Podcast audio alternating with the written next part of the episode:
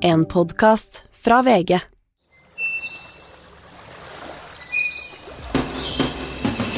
Darling, darling. Kyrre eller Kygo, hva skal vi kalle deg? Det er egentlig helt opp til dere. Jeg er blitt vant til å bli kalt Kygo i det siste. Jeg fikk et tilbud om å komme til Paris altså for ett og et halvt år siden i september. Men da måtte jeg faktisk takke nei, for jeg visste ikke hvordan man DJ-et. Jeg hadde aldri rørt en sånn miksebord før. Welcome to the weekend rundown. Kygo's with us. Hi, Kygo. They're calling you the next EDM superstar. That's a pretty big deal, man. Velkommen til Kygo-hotellet.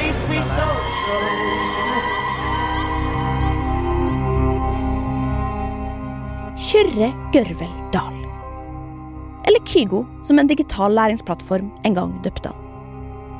En anonym fyr fra Fana i Bergen som skulle leve et tilbaketrukket liv med en streit jobb, men som i stedet endte med å lage sin helt egen musikksjanger. En fyr som over natta ble en av verdens mest ettertrakta artister og stjal showet før vi skjønte hva som hadde truffet oss. Hvem er han egentlig? Og hvordan i helvete kunne det skje?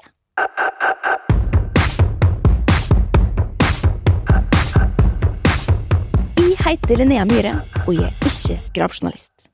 Men jeg er veldig glad i alle detaljene du trodde at du ikke trengte, og i denne sesongen så skal jeg gi deg alle detaljene om de største legendene Norge har skapt. Dagens episode da Kygo stjal showet.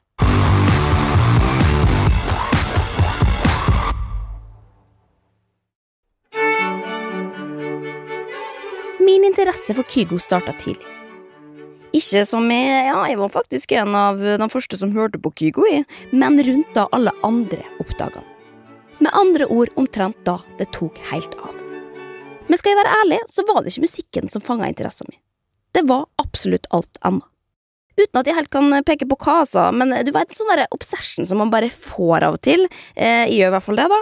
Og på samme måte som jeg følte med liksom, ja, alt fra Gaute Ormåsen til Trine Grung.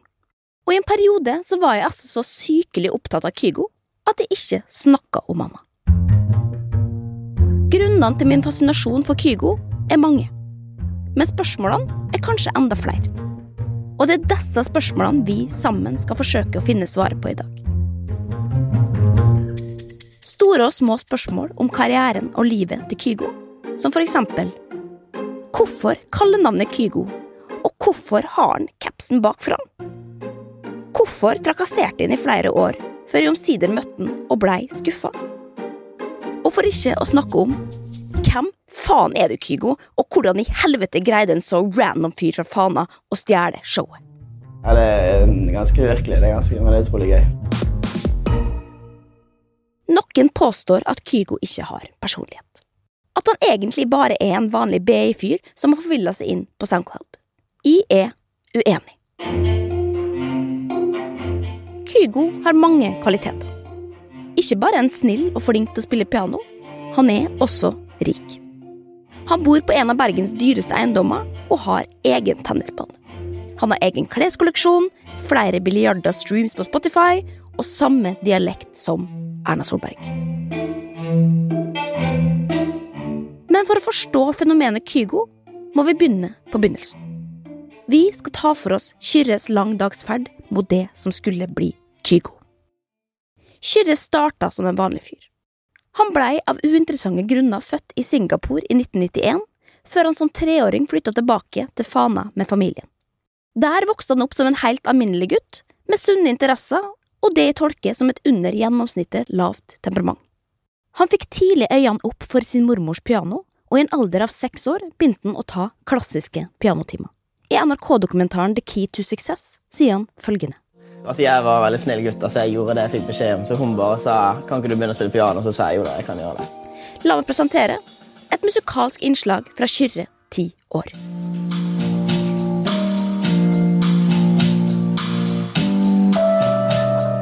Og jeg vet ikke om jeg syns det er så sjukt imponerende, altså. Særlig ikke hvis du har spilt piano i fire år, da. Eh, Men han er da uansett veldig søt på det klippet, og alle barn kan jo bli akkurat det de vil, selvfølgelig, så da er det jo ikke urimelig å spå en stor musikalsk karriere på Kyrremann. Men Kyrre er en allsidig fyr. Som ung liker han både piano og fotball, og kan like gjerne bli fotballspiller, liksom.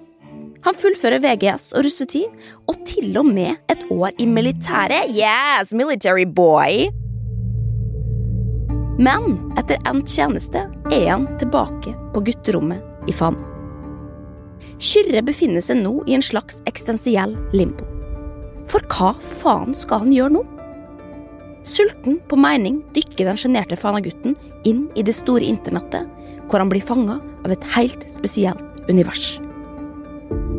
Nemlig høyreekstreme nettsider. Nei da. Kyrre laster ned Logic Studio. Et program hvor du visstnok kan lage musikk og eksperimentere med lyder og pling-plong og greier. da. Så oppretta han en bruker på 2010-tallets MySpace, nærmere bestemt Soundcloud. Nettstedet der uetablerte artister kan legge ut musikk de har laga sjøl, og på den måten ja, basically ta over verden, da. Hvis eh, de lager god nok musikk, vel å merke, eller hvis man bare har flaks. Kyrre logger seg inn. Kygo skriver han, som den geniale læringsplattformen It's Learning fra VGS har funnet på for ham. Kyrre Gørvel. Kyrre Gorvel. Kyrgo. Kygo. Kygo. Passord Kygo1234 Haleien. Kyrre syns det er artig med musikk. Han putter nye lyder på gamle låter, klipper vekk ting og erstatter det med upassende effekter. Gutterommet fylles opp av tomme biff- og løk-potetgullposer. Ja, de eh, er en av mine favoritter. Samtidig blir Kyrre stadig bedre på det han gjør. Han lager låt på låt, og med jevne mellomrom legger han det ut på Soundcloud. Han leker etter hvert smått med den høyst usannsynlige tanken. Tenk om han kunne bare gjøre dette? Tenk om han kunne leve av å lage musikk? Det er 2012. Kyrre er 21 år og er fortsatt en anonym fyr med åpen flanellskjorte over ei hvit T-skjorte. Friåret på Soundcloud har vært gøy, men Kyrre er også en realistisk fyr. Det er på tide å ta en reality check og skaffe seg en vanlig utdanning som alle andre. Og med det drar Kyrre den litt for lange sveisen bakover, pakker laptopen, pennalhus og regneark i skolesekken og flytter til den skotske byen Edinburgh for å studere det opplagte økonomi.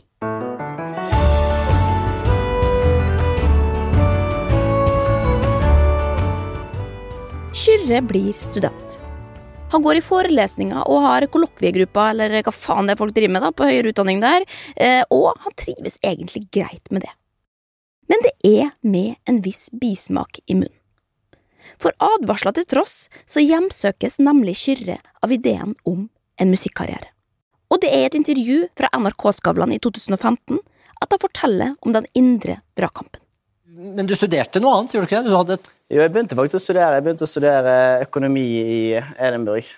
Så det var på en måte Jeg ville, jeg ville jo gjerne holde på med musikk, men jeg hørte på en måte at det var, det var så vanskelig. Det, var, det er ingen som slår igjennom. Det er så mange som holder på med akkurat det jeg driver med. Nei, og det er faen meg sant, det, altså, Kyrre.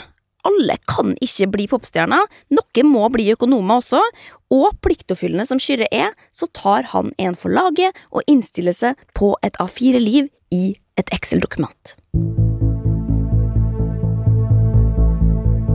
Problemet er bare at uansett hvor mye det terpes på konsumteori og øvre dekningspunkt, så forsvinner ikke Kyrres indre musikalske kall. Og det er når mørket faller på i Edinburgh at hans indre Kygo våkner til liv. Og mellom kladdebøker, kalkulatorer og passere sitter Kygo på rommet sitt i studenthybelen og finner opp en helt ny musikksjanger.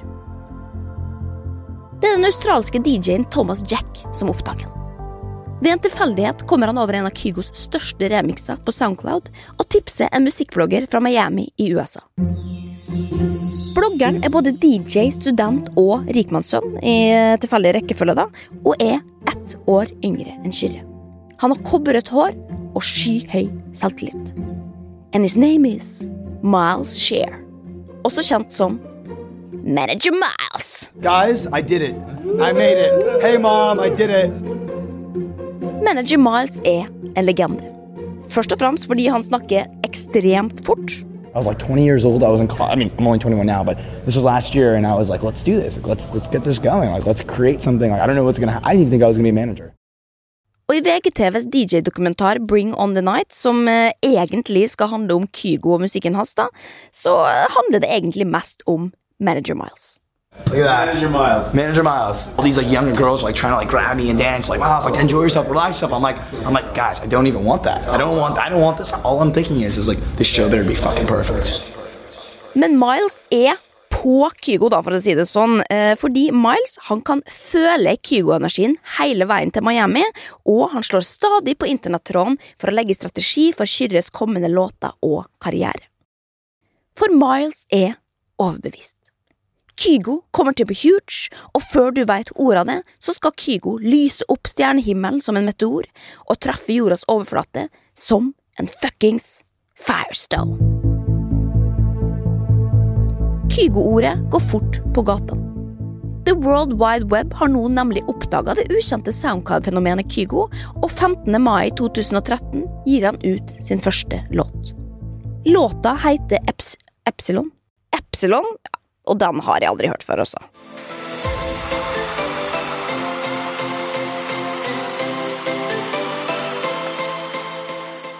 Men til tross for at jeg har gått glipp av denne helt eh, middels komposisjonen, da, så er det andre som hører på den, for å si det sånn. Låta streames nemlig i de hundretusener hjem verden over. Og med det er det gjort. Kyrre har offisielt blitt Kygo. Og Kygo, han har kommet for å bli, da. Og det har manager Miles også, altså, kan du si, for han er nå offisielt manageren til Kygo, eh, uten at jeg egentlig vet om Kygo hadde noe valg, altså. I made it. Hey, mom, I did it. Og med et stadig voksende publikum på internett er tida omsider inne. Endelig kan Kyrre, eller unnskyld, Kygo, da, eh, si takk og farvel til den jævla økonomikarrieren, og her er det bare å pakke caps og flanellskjorte og komme seg til helvete vekk fra fucking Edinburgh fortere enn scooter rekker å si fire! For her skal faen meg showet stjeles! Og herfra går det fort. Bare få måneder seinere gir Kygo ut sin første remix. Det er låta Dancer av Didrik Tullin, da, som eh, ingen har hørt om, selvfølgelig, bortsett fra Kygo sjøl. Eh, Men det er likevel noe der som får folk til å lytte. Noe helt nytt og annerledes. En helt egen sound. En sound Kygo har funnet på helt sjøl, og som skal spre seg som ild i tropiske strøk i tida framover. Jeg snakker selvfølgelig om Tropical House. Nå folkens, nå går Kygo-toget snart, altså. Folk får rett og slett ikke nok av den tropiske Kygo-stilen, og det lyttes hardt verden over. Musikkblogger skriver saker om det ukjente stjerneskuddet, og forespørslene renner inn. Kygo blir nå tilbudt spillejobber på den andre sida av kloden. Folk vil bare ha Kygo, og folk vil ha han nå. Det er bare ett problem.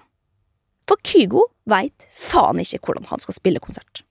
Han har jo bare studert tall, han i fucking Edinburgh, og det er jo ikke akkurat det samme som DJ-kurs på Lipa.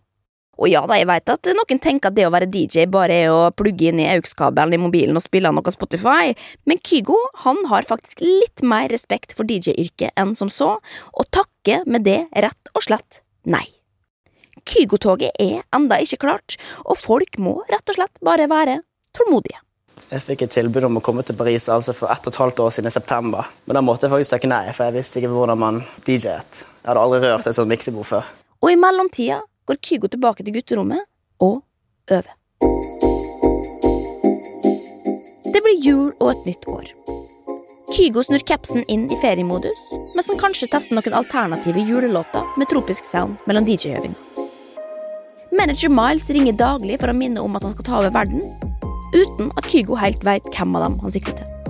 Og det er i januar 2014 at Kygo-toget endelig forlater perrongen.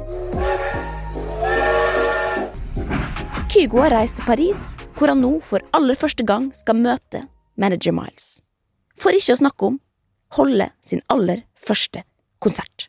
Og i Kygo-dokumentaren The Key to Success beskriver manager Miles opplevelsen på følgende måte. We show up to this place. We're playing in a 200, 300 capacity room, very small. Before he hops on, there is zero people in the room. So I'm getting him set up. He's about to play. The whole room, there, there's, it fills up. Og med det var det gjort. Det som skulle bli en liten intimkonsert for spesielt interesserte, eksploderte idet Kygo trykka play. Og dette er et opptak av den første konserten Kygo holder noensinne. People are so excited. They're cheering as he plays his first song.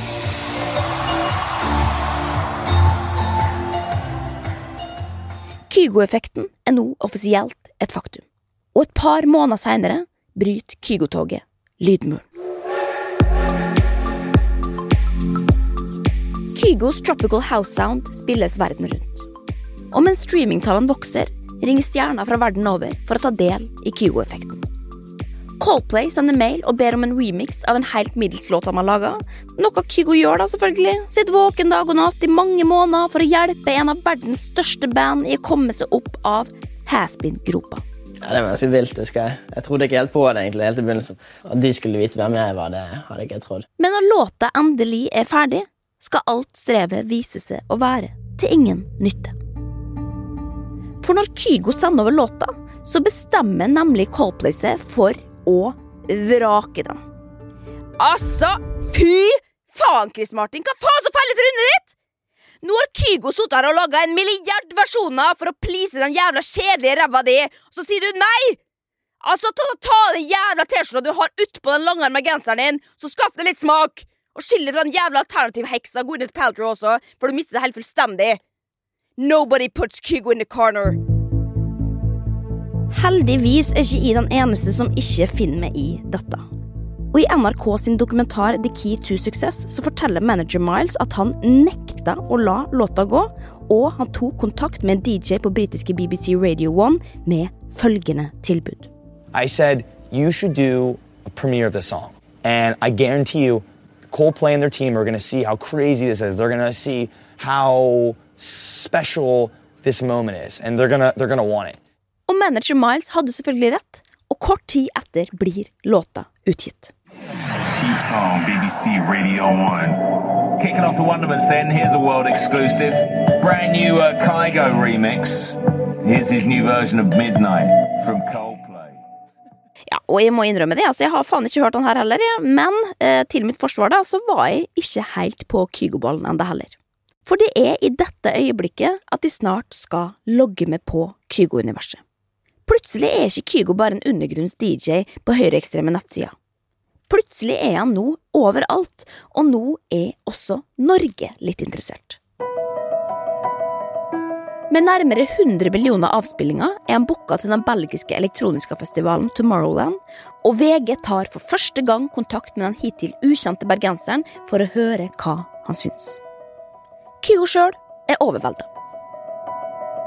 Nei, altså, det er helt sykt. Jeg har prøvd å få tak i billetter til festivalen i flere år, og nå skal jeg plutselig spille der selv.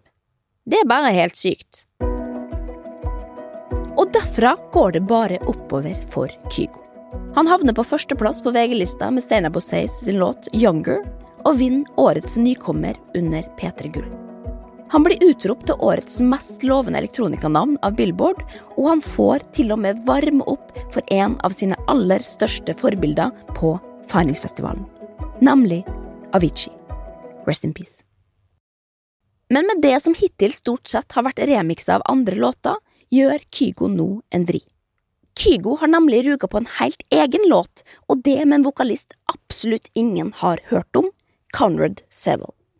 Men to anonyme fyrer til tross, så greier Kygo det umulige. Og med det er en ny hit født. Jeg snakker selvfølgelig om The One and Only Firestone.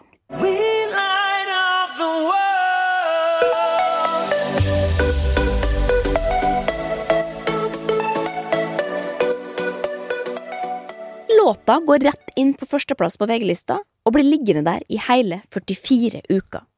Som fun fact da, er den norske låta som har ligget lengst som nummer én på VG-lista, og som dytta Vinni sin monsterhit 'Sommerfugl i vinterland' ned på en andreplass.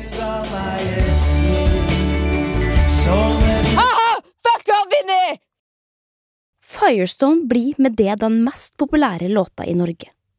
Og man skulle kanskje tro at Norge fikk lyst til å hedre det ferske stjerneskuddet, for eksempel med en liten spellemann eller noe, da.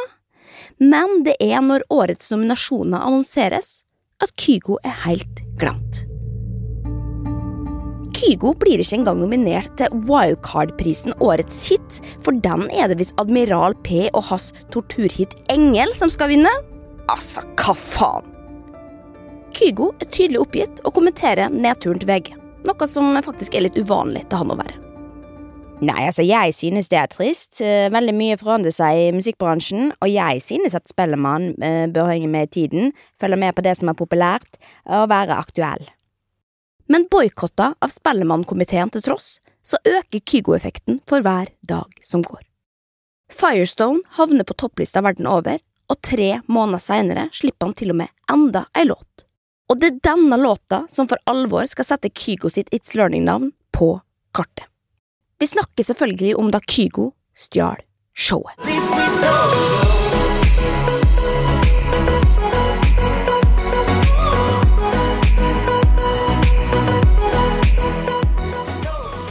Kygo er heitere enn noen gang, og uansett hvor man snur seg, slår Kygo-bølgen over det. Det er Kygo-bølger på radioen, og ansiktet hans er på forsida av alle aviser. Antall menn i hvite T-skjorter og åpen flanellskjorte over øker, og samtlige capser i bybildet er snudd bakfra. Og det er omtrent i dette øyeblikket det også rabler fullstendig for meg. Jeg blir rett og slett besatt av Kygo. Og jeg vet at dette høres rart ut, eh, men jeg velger å være ærlig, fordi i en tidsperiode på et par måneder så skriver jeg nærmere 200 tweets om Kygo. Og jeg er usikker på hensikten, men bare for å gi dere noen eksempel, da, så kan jeg lese et lite utvalg av mine Kygo-tweets, hvor det er da Kygo som har altså hovedrolle i ulike kategorier, kan man si. Kygo, Anker Hansen. Fifty Shades of Kygo. Kygo og De vises stein. Kygo revet pizzaost i fire smaker. Kygo majones. Kygo frukt og bæryoghurt. Ja, og så fortsatte det da i det uendelige her, eh, før de da påstår at eh, skal vi se her, forskere har utviklet et nytt grunnstoff med navn Kygo, og, ja, og at eh, dvergplaneten Pluto skal skifte navn til Kygo da, for eh, ikke snakke om krygostråling, som mest sannsynlig kan kurere kreft. Ja, og om alt dette er forsøk på humor, eller bare et ja, desperat rop på oppmerksomhet, det er uvisst, men uansett hva det er, så kan jeg i hvert fall si at det ikke funker. Kygo anerkjenner knapt min eksistens, og kun én av 200 ganger liker han tweeten min. Som for øvrig et eh, bilde av meg da, eh, på balkongen til Giulietta i Romeo og Giulietta i Verona, hvor jeg da står der ute og ser utover eh, ja, landskapet. da. Eh, også under bildet så står det Kygo oh Kygo, wherefore are you Kygo? Men eh, en like er nok for meg, det altså, til å kjøre på i Kygo-sporet, og jeg fortsetter å hamre ut tweets i håp om at han skal se og anerkjenne meg og tweetsa mine. Og ikke minst begynne å følge med på Twitter. Mitt eneste mål i livet. Men samtidig som jeg fantaserer om Kygo oppe i min egen Kygosfære, holder Kygo på med helt andre ting. Og på vårparten av 2015 annonseres et helt unikt konsept. Vi snakker selvfølgelig om Kygo hotell. Velkommen til Kygo-hotellet. Nyheten kommer som et sjokk på norsk befolkning. I forbindelse med Bergenfest skal nemlig Hotell Ørn i ei hel helg bli omdøpt til Kygo hotell. Arrangementene skal stå på rekke og rad med alt fra Kygo-seminar og Kygo intimkonserter. Som selvfølgelig kun betyr én ting. Kygo skal dit, og manager Miles skal dit. Som selvfølgelig kun betyr én annen ting. I skal også dit. Og det er her du kanskje lurer på hva jeg faktisk vil med Kygo. Hvorvidt jeg bare er en uskyldig fan som ja, bare liker litt musikk og moro, da. Eller om jeg faktisk er en sinnssyk groupie som følger etter en nyberømt fyr, og som eh, dessuten har kjæreste, da.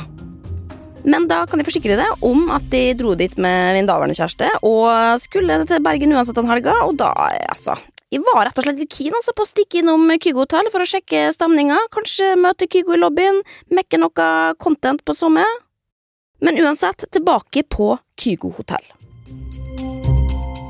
For Kygo hotell er alt man ikke kan forestille seg. Et to meter høyt Kygo neonskilt lyser mot meg idet jeg kommer, og på resepsjonsdisken ligger Kygo-merchen lina opp. I lobbyen spiller Kygo sine fire sanger på repeat, og i heisa er det klistra en gigantisk Kygo-logo over hele speilet.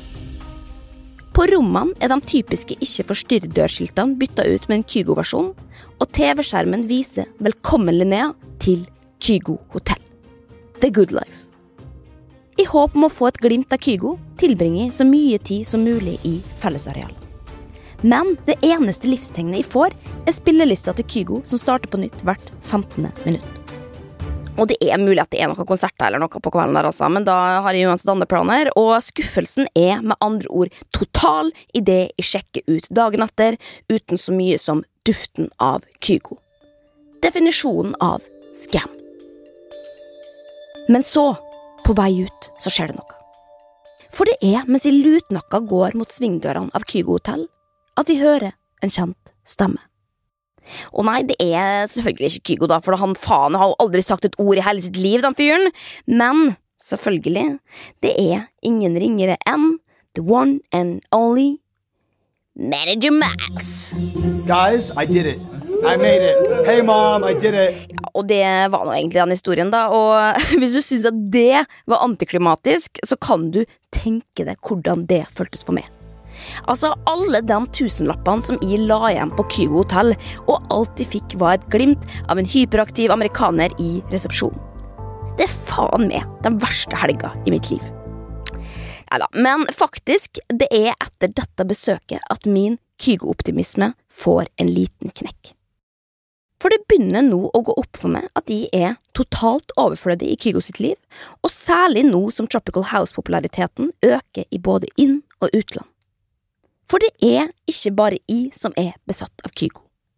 Hele verden er nå obsessed.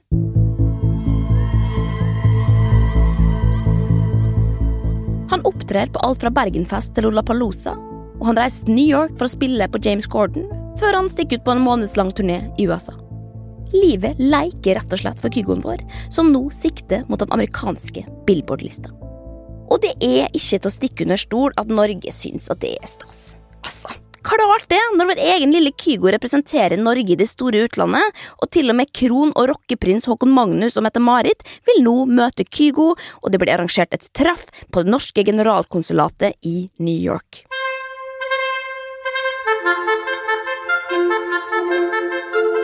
Krompen, Mette-Marit og Kygo ble avbilda sammen. Kronprins Haakon i uniform og Mette-Marit i en nydelig drakt. Kygo med åpen flanellskjorte over ei hvit T-skjorte. Ja, veldig fornøyd. Det var sykt bra. Sykt bra stemning. Samtlige norske aviser er på plass. Og til VG sier Mette-Marit at Kygo er en sitat Han er en flott ambassadør for Norge og en veldig flott gutt. Å, fy faen, Norge. Skyt meg.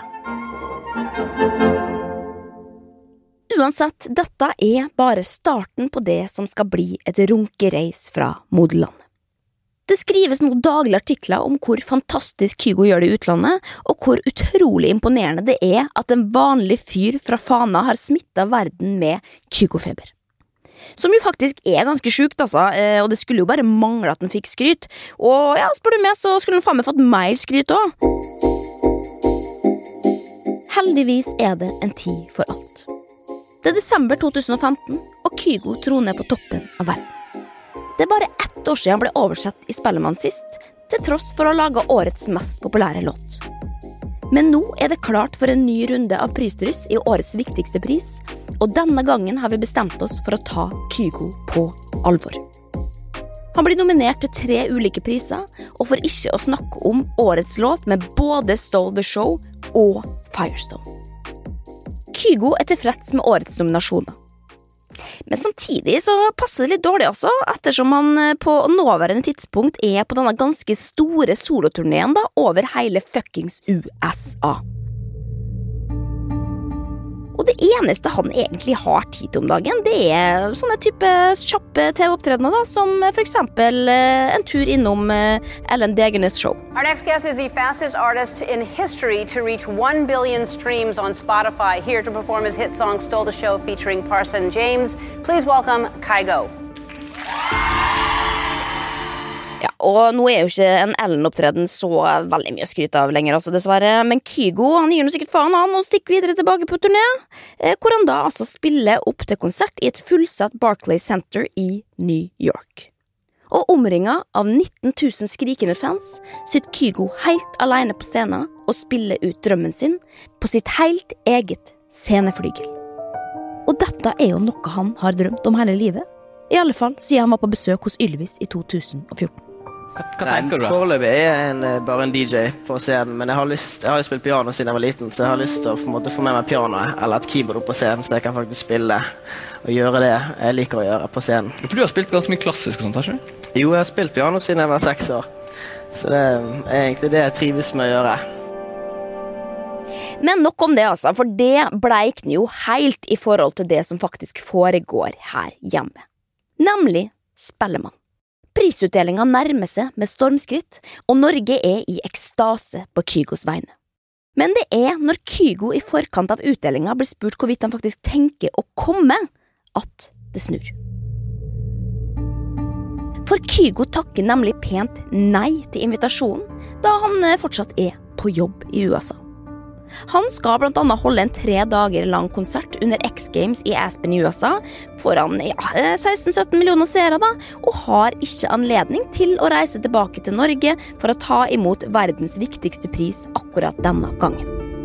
Noe vi her hjemme i Norge på ingen måte forstår, eller er villig til å akseptere. For hvem tror han egentlig at han er, han der Kygo? Altså, Hvordan våger han, når han først nomineres til en så ærefull pris som Spellemann, å bare droppe utdelinga? Tror du at du bare kan takke nei? Eier du ikke skam, Kygo? Vi har faen meg basically skapt bro! Velger du også å spille foran 17 millioner mennesker i utlandet? Når du kunne sittet som pynt i Oslo Spektrum med 300 000-400 000 seere der på NRK? Å, fy faen, Kygo! Snakk om å være en selvgod sviker! Tilgangen på Kygo blir stadig mindre. Han er ikke lenger tilgjengelig når VG ringer, og de nye låtene hans får norske musikkanmeldere til å trekke uinteressert på skuldrene. Debatten går stadig rundt hvorvidt Kygo i det hele tatt lager ordentlig musikk, og mange hevder at alt bare er tull og tøys. Og det er omtrent også her min Kygo-interesse for alvor begynner å dale. Kygo virker mer og mer uoppnåelig, og han blir stadig mer anonym. Månedene går, og Kygo er stadig på toppen av verden, til tross for at Norge er i ferd med å snu den ryggen for godt. Han vinner til tross for sitt spellemannfravær likevel årets låt med Stall the Show, og ikke minst den aller gjeveste prisen av dem alle, nemlig Årets Spellemann. Som eh, selvfølgelig blir kritisert herfra til helvete da, av Musikk-Norge, all den tid Kygo ifølge musikkeksperter selvfølgelig ikke fortjener det, som den umusikalske landsforræderen han er. Kygo-toget har mista kontrollen i hjemlandet, og nå raser det nedover.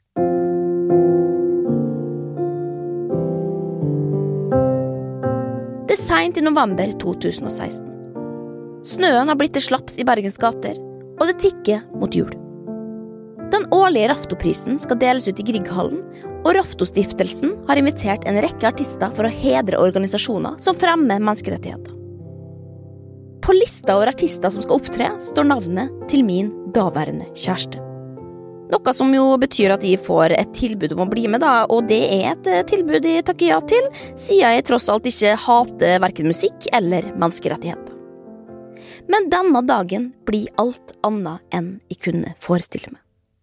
For det er idet jeg entrer Grieghallen et par timer før show, at det skjer.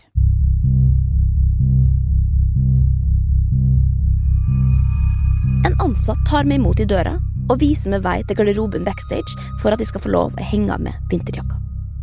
Jeg har tunge vintersko, et enda tyngre sinn, og er innstilt på å overvære det som mest sannsynlig kommer til å bli en tre timer for lang konsert.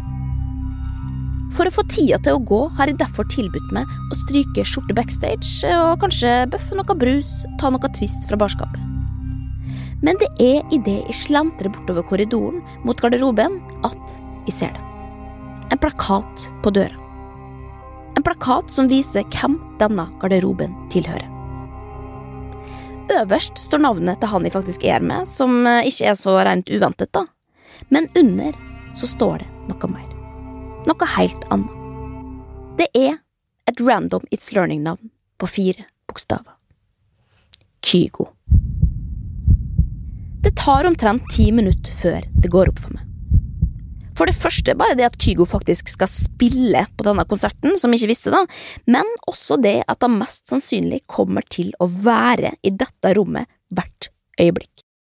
Og at etter ett og et halvt år med intens obsession og på grensen til trakassering, så skal Kygo og I nå snart stå ansikt til ansikt. Jeg står alene i garderoben og vurderer alternativene mine. Jeg kan evakuere bygninga fort som faen, eller i det minste forlate garderoben det faktisk er lagt opp til at han skal skifte i det, altså Kygo. Eller så kan jeg bli værende i rommet og ta imot den når han kommer. Jeg velger sistnevnte. Og det er omtrent her hjernen min kobler helt ut. For uansett hvor mye og hardt jeg prøver på å finne på noe smart eller avvæpnende jeg kan si til Kygo idet han dukker opp, så går ikke det. Og jeg kjenner på de samme følelsene som da jeg som 13-åring møtte Gaute Ormåsen for aller første gang, og jeg frykter at det samme vil skje også denne gangen. Nemlig at de blir stående og rive han i handa mens jeg skriker ukontrollert. Men jeg rekker dessverre ikke å finne en løsning på dette før det er for seint. Og det er mens jeg står og stryker ei hvit skjorte for fjerde gang, at han kommer inn i rommet. Kygo. It's Learning-navnet i egen høye person. Legenden. Og jeg må jo innrømme det, jeg er litt redd for at han nå skal frike ut i det han ser med. Altså, her har du the original stalker i egen fulle person, stående rett opp og ned i garderoben hans og stryker skjorta som om det er det mest naturlige i verden. Men Kygo er ikke redd. Heller tvert imot, og av ansiktsuttrykket hans så merker jeg faktisk knapt en mine. Han bare møter blikket mitt og strekker hånda høflig fram, introduserer seg. Jeg er en smule sliten. Og det er nå det går opp for meg. Altså, For nå er det altså mulig at han rett og slett bare ikke har fått med seg at de har stalka han intenst hver dag over mange år. At Kyrre har vært så opptatt av musikken, pianoet og det å ta riktige valg i egen karriere at han ikke får med seg alle sjuke fans som vil rive av en kroppsdeler eller skrike han i øret. Og at han mest sannsynlig tenker at alle som dukker opp i garderoben hans, bare skal være der. At det er en del av gamet. Men uansett hva det er, så er dette et helt sjukt øyeblikk. Og ikke minst litt antiklimatisk, da, ettersom det tross alt har føltes som at hele mitt liv har leda opp til dette øyeblikket. Men så blir det litt smalltalk og noe greier da, med den andre artisten i rommet, før jeg faktisk begynner å kjede meg litt, altså. Og jeg sier at det var hyggelig å møte deg, Kyrre, før i dag altså, rett og slett, Evakuere og går inn i salen hvor jeg da ser tre og en halv time menneskerettighetskonsert, som avslutter med at alle hundre deltakere, eller hvor faen hvor mange det er da, samles på scenen og danser afrikansk folkedans, og dette er da altså, folkens, inkludert Kygo, altså Kygo danser afrikansk folkedans foran meg, og det er kanskje det sjukeste jeg har sett i hele mitt liv. Og det var denne dagen jeg innså at Kygo bare er et helt vanlig menneske. En anonym fyr med capsen bak fram, og som egentlig skulle hatt en jobb i en lokal bergensbank. En fyr med helt alminnelige pianoevner, men som endte opp på Billboard-lista. En fyr på en studenthybel i fucking trash Edinburgh, men som endte opp med å kjøpe den dyreste boligen i Bergen noensinne. Fy faen for legende.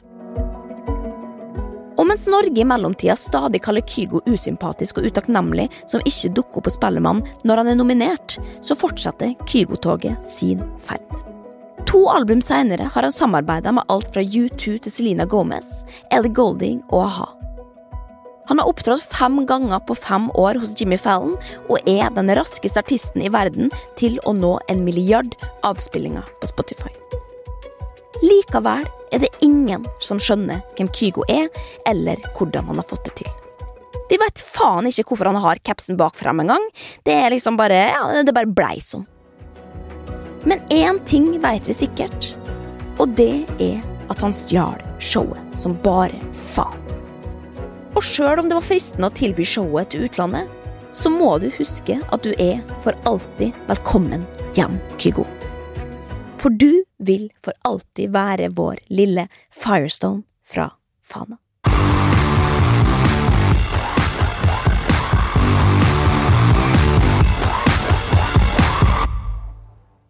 En liten heads up til slutt her. Dette er den første, men også den siste episoden av Gi meg alle detaljene, som du kan lytte til her. Resten av sesongen den får du i podkastappen Podme, hvor du kan være med videre ved å tegne et eh, abonnement. Så hvis du vil ha enda flere detaljer utover høsten, så må du altså inn på Podme først som sist. Så da regner jeg med at vi møtes der for det som blir innføringa i Norges aller største legende. Og kort innpå helt til slutt her, hvis du vil ha flere detaljer, bilder og overskrifter, så kan du finne Gi meg alle detaljene på Instagram. Og hvis du vil ha alle detaljene som blei for drøye for klippen i sesongen, så finner du også Gi meg alle detaljene-boka i VG-butikken eller i din lokale bokhandel. Du har hørt en podkast fra VG. Denne episoden er produsert av Elise Vatsvåg.